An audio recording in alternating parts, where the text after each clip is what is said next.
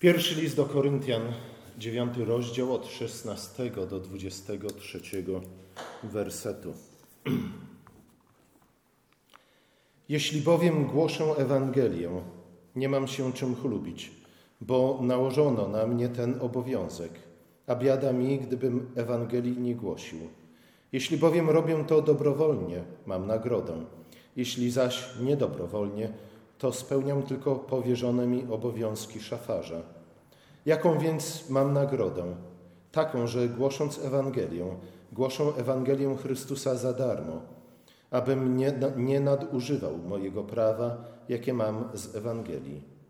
Będąc bowiem wolny wobec wszystkich, samego siebie uczyniłem niewolnikiem wszystkich, aby więcej ludzi pozyskać.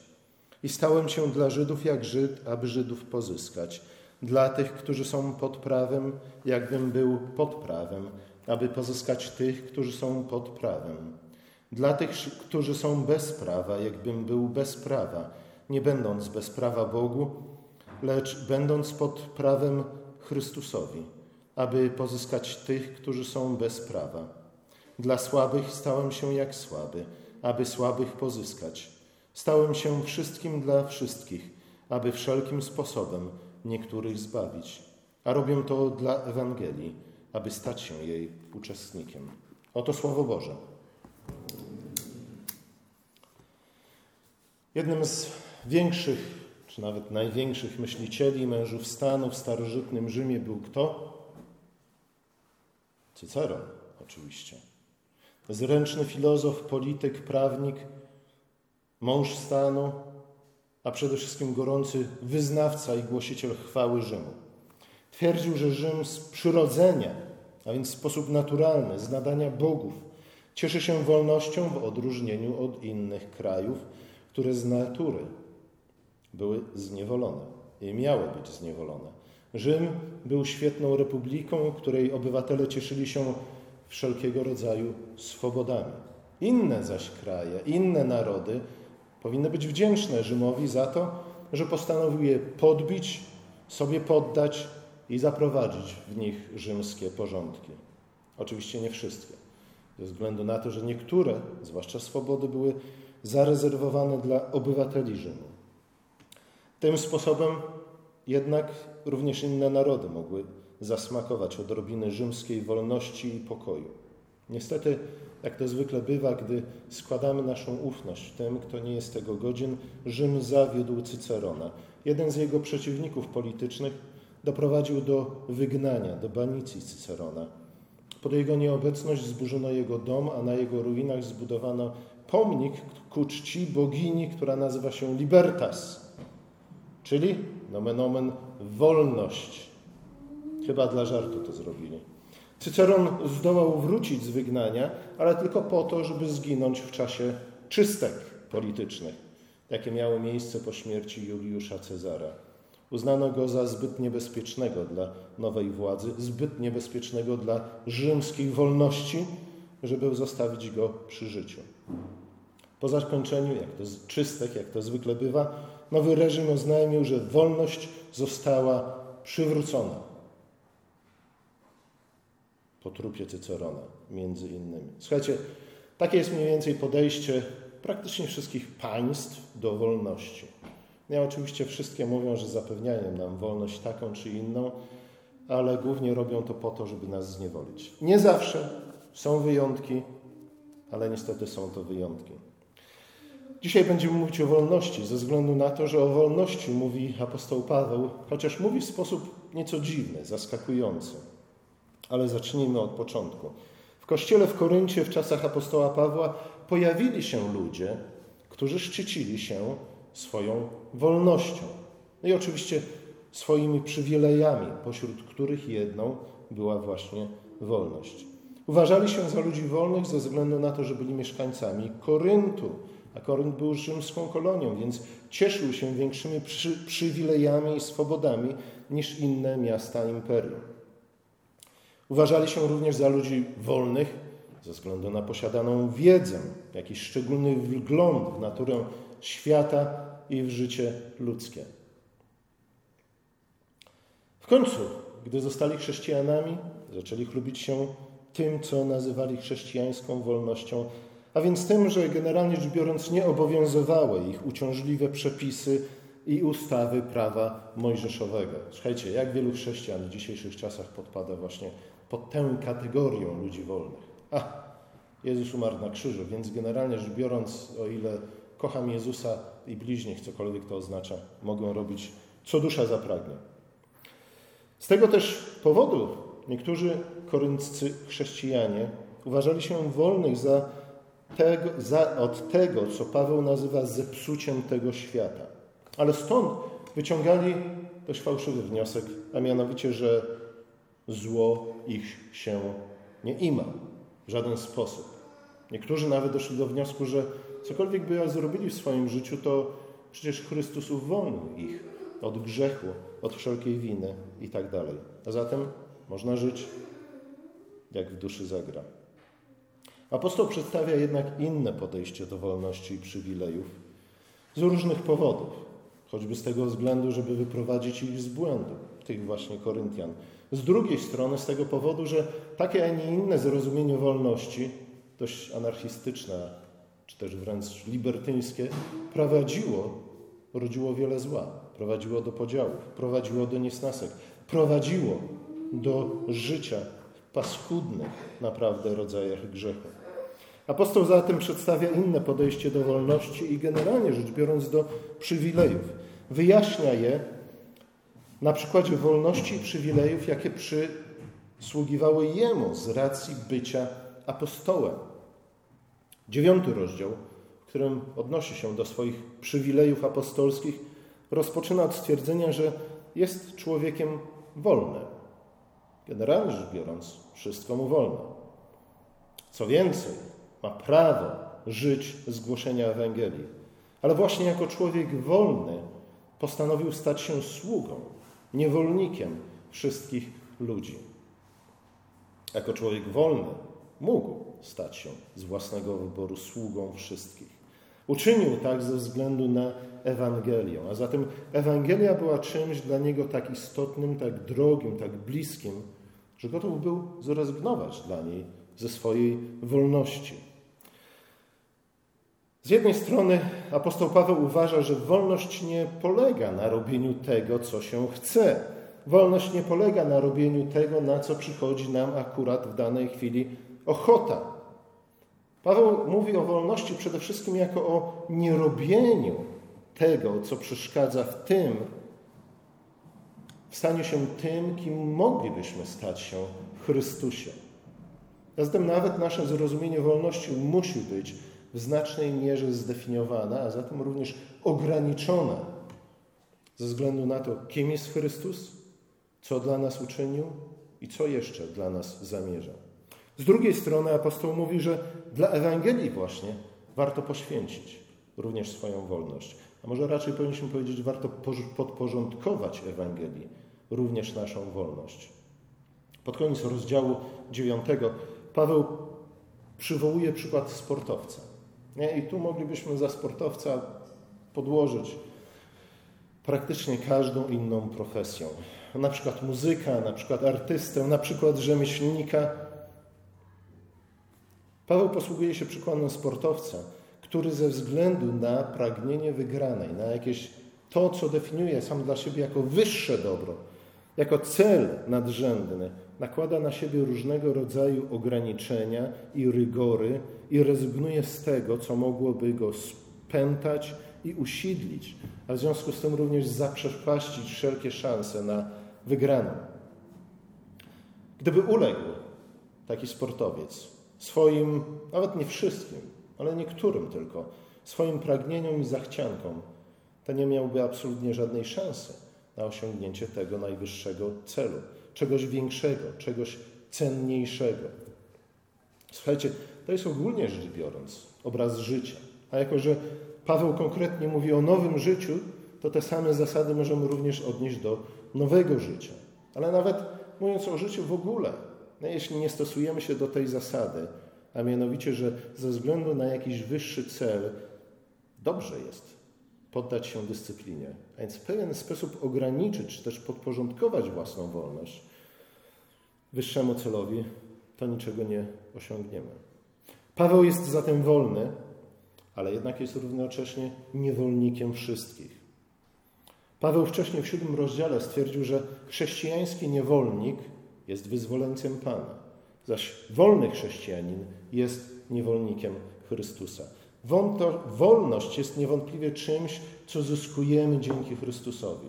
Jest to w pierwszej kolejności wolność od przekleństwa grzechu, a więc od tego wszystkiego, co grzech czyni w naszym życiu, a nie czyni absolutnie nic dobrego. Wręcz przeciwnie, niszczy wszelkie dobro, które mamy, którym się cieszymy, ale również niszczy wszelkie dobro, którym w przyszłości moglibyśmy się cieszyć.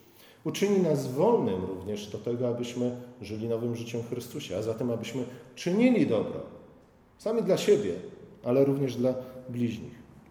A zatem ta wolność, o której mówi Pismo Święte, ogólnie rzecz biorąc, nie jest wolnością chaotyczną, nie jest wolnością anarchizującą, nie jest wolnością libertyńską, nie jest wolnością mówiącą, a rób ta, co chce ta. Nie. Jednym z przykładów wolności, jaki znajdujemy w tym rozdziale, jest właśnie wolność do głoszenia Ewangelii takiej, jaką ją Paweł przejął od Chrystusa oraz innych apostołów. I słuchajcie, to nie, jest, to nie są teoretyczne rozważania, bo wiemy z listu do Koryntian, iż było bardzo wielu ludzi w Koryncie, którzy chcieli ograniczyć właśnie tę wolność Pawła do głoszenia Ewangelii. Między innymi było wielu bogatych i wpływowych ludzi, którzy chcieli stać się patronami apostoła Pawła. Chcieli stać się, dzisiaj byśmy powiedzieli, jego sponsorami. Chcieli mu płacić, chcieli go utrzymywać po to, żeby Paweł mógł głosić Ewangelię. Paweł jednak wiedział, iż jeśli by poszedł na ich utrzymanie, jeśli by stał się ich utrzymankiem, to już nie byłby wolny do głoszenia Ewangelii, taką, takiej, jak ją przejął od Chrystusa i innych apostołów. Ze względu na to, że jak to bywa, kto, kto płaci, ten zamawia muzykę. Jakoś tak to jest. Ci, ich patro, ci jego potencjalni patroni, czy patronowie, patroni, y, wyznaczaliby mu zakres Ewangelii, a nawet treść Ewangelii, którą miałby głosić. Inny przykład wolności fałszywego, złego, destrukcyjnego zrozumienia wolności znajdujemy w trzecim rozdziale, gdzie apostoł pisze właśnie o ludziach, których Bogiem jest brzuch, którzy spełniają każdą swoją zachciankę. I słuchajcie, być może wie, wie, większość z nas by raczej podpadała pod tę kategorię niż niż wielkich, bogatych patronów, którzy chcieliby mówić, na przykład sługą Słowa Bożego, co mają głosić skazalnicy. Człowiek, którego Bogiem jest brzuch, człowiek, który żyje tylko i wyłącznie zwierzęcym instynktem, człowiek, który spełnia każdą zachciankę swojego ciała, zobaczy coś i tak tego pragnie, że zapomina już o wszystkim innym. Idzie i robi, chociaż wie, że zniszczy to jego przyszłość. Idzie i kupuje, chociaż wie, że nie będzie miał za co zapłacić, z czego zapłacić za czynsz i tak dalej. Taki człowiek jest niewolnikiem. Niewolnikiem swoich instynktów, niewolnikiem swoich pragnień, niewolnikiem swojego ciała, swoich emocji. Wolność nie na tym polega. Wolność apostoła, o której tutaj Paweł pisze, ogranicza się również ze względu na właśnie jakiś wyższy cel. Po pierwsze, Paweł chce być swobodny w głoszeniu Ewangelii, ale ogólnie rzecz biorąc, chce być swobodny w swoim trybie życia. Nie chce być poddany żadnym patronom, ale nie chce jednocześnie też być poddany swoim zachciankom, instynktom i pragnieniom. Ale jest również z drugiej strony Paweł poddany jakiemuś wyższemu celowi. Ten cel ogranicza, modyfikuje, definiuje jego wolność. Jednocześnie umożliwiając mu tę wolność. Temu celowi wszystko musi być podporządkowane. Tym celem jest, ogólnie rzecz biorąc, Królestwo Boże. W naszym fragmencie Paweł skupia się właśnie na tym celu, ze względu na który, jako człowiek wolny, wolny od ludzkiej tyranii, ale wolny też od instynktów i rządzy ciała, staje się jednocześnie sługą. Ale staje się szczególnego rodzaju sługą. Nie tylko ze względu na to, że staje się sługą z wyboru, ale staje się również sługą dla Ewangelii a konkretnie po to, aby zdobyć ludzi dla Ewangelii, po to, aby uratować ludzi od niewoli grzechu i rządzy, aby również oni mogli za, za, zaznać prawdziwej wolności. I tak dla Żydów stał się Żydem, dla żyjących pod prawem stał się żyjącym pod prawem, dla nieżyjących pod prawem stał się nieżyjącym pod prawem, dla słabych stał się słabym. Słuchajcie, wiele można było o tym mówić, ale nie dajmy się zwieść tutaj pierwszemu wrażeniu, które pewnie ciśnie nam się na umysły. Na pierwszy rzut oka może się wydawać, że akurat w tym Paweł był dość elastyczny w swoim podejściu do zasad religijnych, a nawet do zasad etycznych. I między innymi to zarzucali mu jego przeciwnicy w Koryncie. Paweł jednak w żadnej mierze nie modyfikuje przez to stanie się Żydem dla Żydów i tak dalej treści Ewangelii. Ta treść pozostaje niezmieniona. Paweł raczej dostosowuje się na tyle, na ile Ewangelia mu pozwala do zwyczajów tych ludzi, którym głosi Ewangelię, właśnie po to, aby nie stawiać żadnych dodatkowych przeszkód, których Bóg nie stawia na drodze do Chrystusa. I słuchajcie, to nie była tylko i wyłącznie wygoda. To generalnie rzecz biorąc nie była żadna wygoda. Jak wiemy z jego listów i z dzieł apostolskich, Pawłowi często przychodziło płacić wysoką cenę za takie podejście do głoszenia Ewangelii. W drugim liście do Koryntian czytamy, że Paweł właśnie ze względu na to, że dla Żydów stał się jakby Żydem, otrzymał od nich pięciokrotnie po czterdzieści razów bez jednego. A zatem to była cena, którą musiał zapłacić za to, że dla Żydów stał się jakby Żyd, po to, aby również Żydom głosić Ewangelię. A słuchajcie, wystarczyło tylko unikać synagog, nie zachodzić do nich, unikać sporów z Żydami, żeby uniknąć tak bolesnych skutków, to dosłownie bolesnych skutków głoszenia Ewangelii. Paweł nie korzysta ze swoich przywilejów, Paweł również nie korzysta z tej metody głoszenia Ewangelii po to, aby ułatwić sobie pracę, ani nie korzysta z nich po to, aby umilić sobie życie. Co jak co, ale Paweł nie był człowiekiem, dla którego najważniejsze było łatwe i miłe życie. To ogólnie rzecz biorąc, powinniśmy się nauczyć tego od niego, że w jakiejkolwiek dziedzinie naszego życia, do jakiegokolwiek celu dążymy, jeśli dążymy do jakiegoś celu, to jeśli łatwe i miłe życie jest dla nas celem najwyższym, słuchajcie, ani nie będziemy cieszyć się łatwym, ani miłym życiem, ani generalnie rzecz biorąc, życiem jako takim. Raczej Paweł mówi po to, aby czynić dobro, a konkretnie, żeby w tym przypadku głosić Ewangelię i ratować zgubionych, Paweł korzysta w bardzo rozumny sposób ze swojej wolności, ze swoich przywilejów, które pojmuje bardziej jako, wybaczcie za słowo, obowiązek, a nie jako przywilej, którym może dysponować według własnej woli. I słuchajcie, może właśnie dlatego na tej liście gdzie Paweł podaje, że dla tych stał się tym, dla tamtych tamtym, nie znajdujemy stwierdzenia, że dla bogatych stał się jakby bogaty. Słuchajcie, Pismo Święte ma bardzo wiele do powiedzenia dla ludzi bogatych. Nie, żeby biedni nie mieli swoich problemów. Biedni zazwyczaj mają problem z frustracją i z resentymentem. A jednak to właśnie na bogatych Pismo Święte zwraca szczególną uwagę ze względu na to, że to wśród bogatych najczęściej spotykamy ludzi pysznych i aroganckich.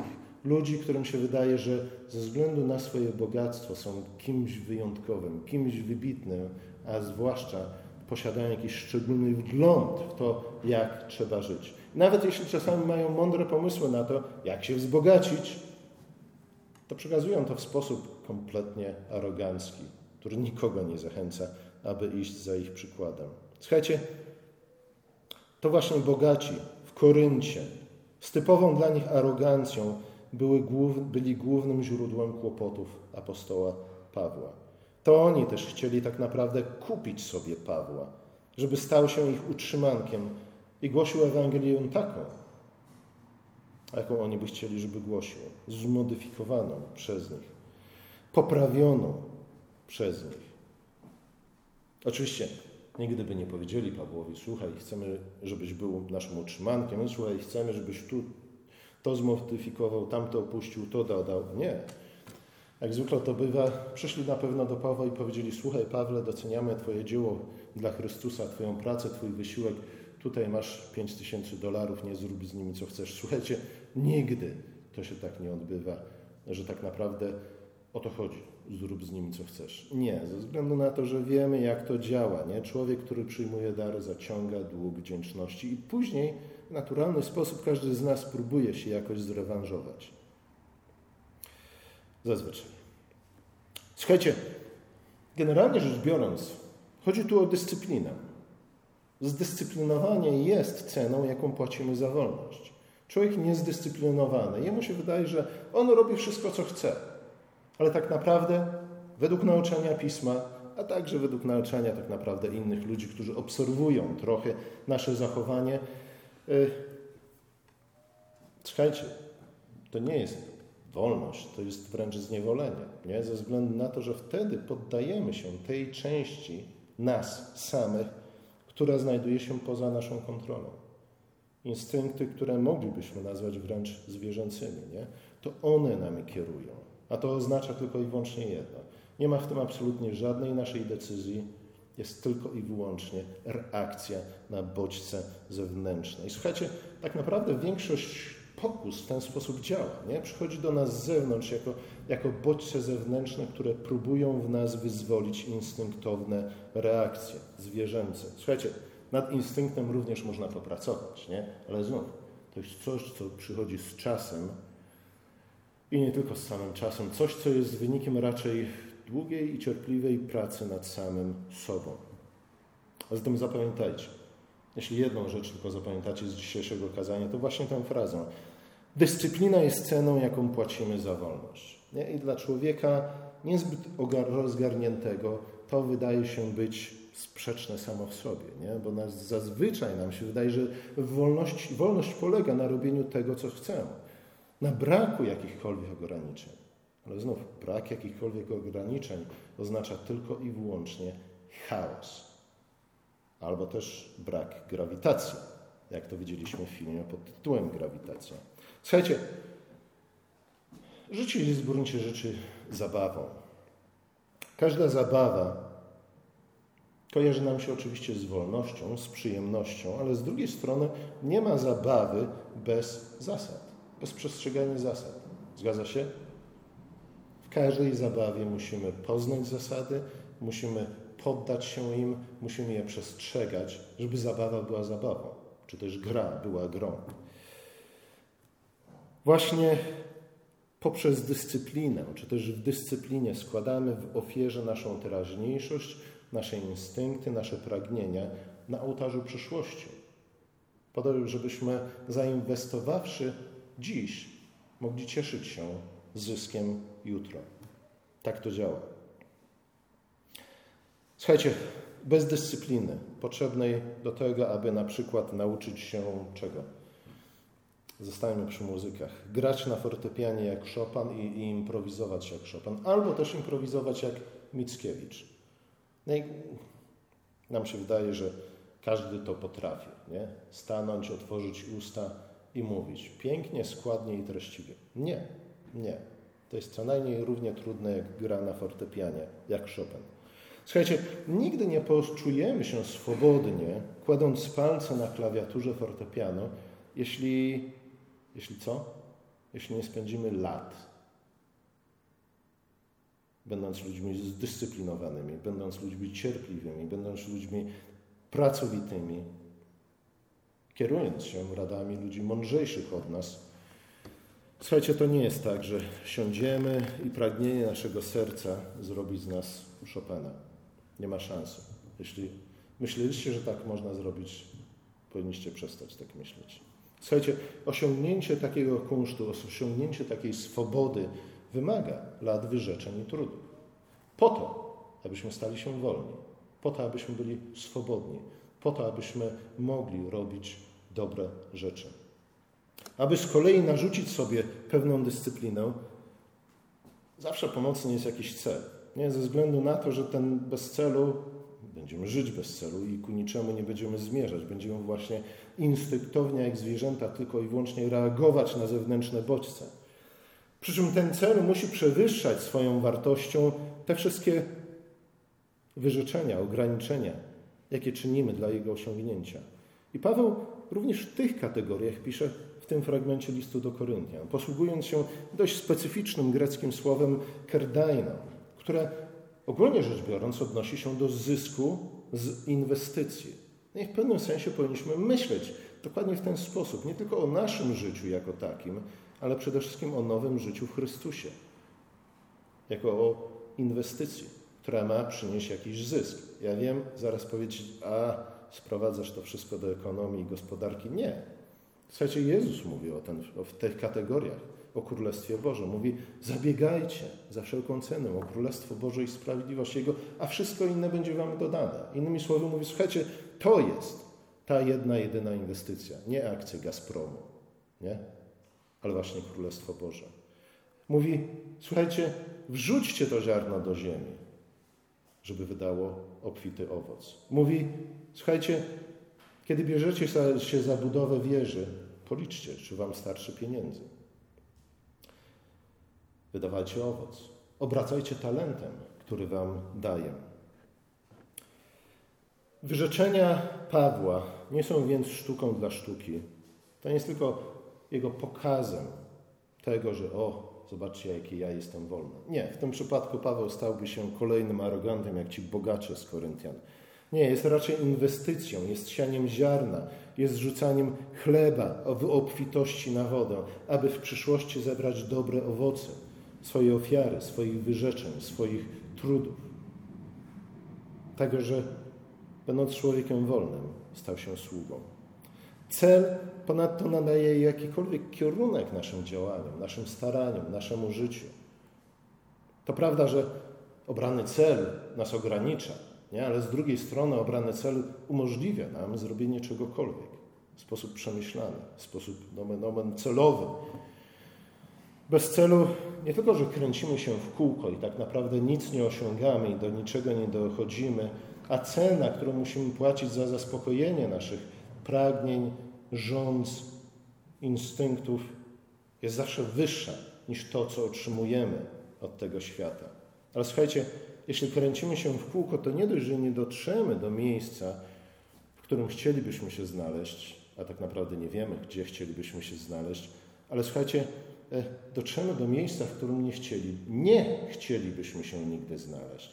To miejsce nazywa się właśnie chaos i pustka. To jest miejsce bardzo mało przyjemne. To jest miejsce, które bardzo przypomina w swoim dojrzałym, swojej dojrzałej formie piekło. Dlatego apostoł, któremu zależy na Koryntianach, wskazuje im lepszą drogę. Mówi, słuchajcie, nie idźcie dalej tą drogą. I oczywiście nie jest to droga rozpasania, lubieżności, libertynizmu, której patronem jest Bóg o imieniu Brzuch. Jest to raczej droga wolności, czyli tak naprawdę droga dyscypliny, droga powściągliwości, karności, pokory. Duch bowiem, jak mówi Paweł na innym miejscu, jest zarówno, którego otrzymaliśmy od Chrystusa, jest duchem zarówno wolności, jak i duchem dyscypliny. I słuchajcie, między wolnością a dyscypliną nie ma absolutnie żadnej sprzeczności, ze względu na to, że dyscyplina jest ceną, jaką płacimy za naszą wolność. Dlatego apostoł przypomina bardzo często w swoich listach, że choć wszystko mu wolno, to jednak nie wszystko jest pożyteczne. Ze względu na to, że nie wszystko prowadzi nas do tego nadrzędnego celu, jaki powinien, powinien przyświecać każdemu z nas, nie? Królestwo Boże. Albo jakikolwiek dobry cel, do którego moglibyśmy dążyć. Słuchajcie, za każdym więc razem, kiedy przyjdzie nam na coś ochota, Zadajmy sobie pytanie, no dobra, ale to ma, czemu to ma służyć? Co chcemy przez to osiągnąć? I czy cena nie będzie wyższa niż zyski? Czy chwilowe, chwilowe zadowolenie albo ulga jest warte więcej niż nasza przyszłość niż nasze powodzenie, ba, niż Królestwo Boże, niż stawanie się podobnym do Chrystusa. Amen.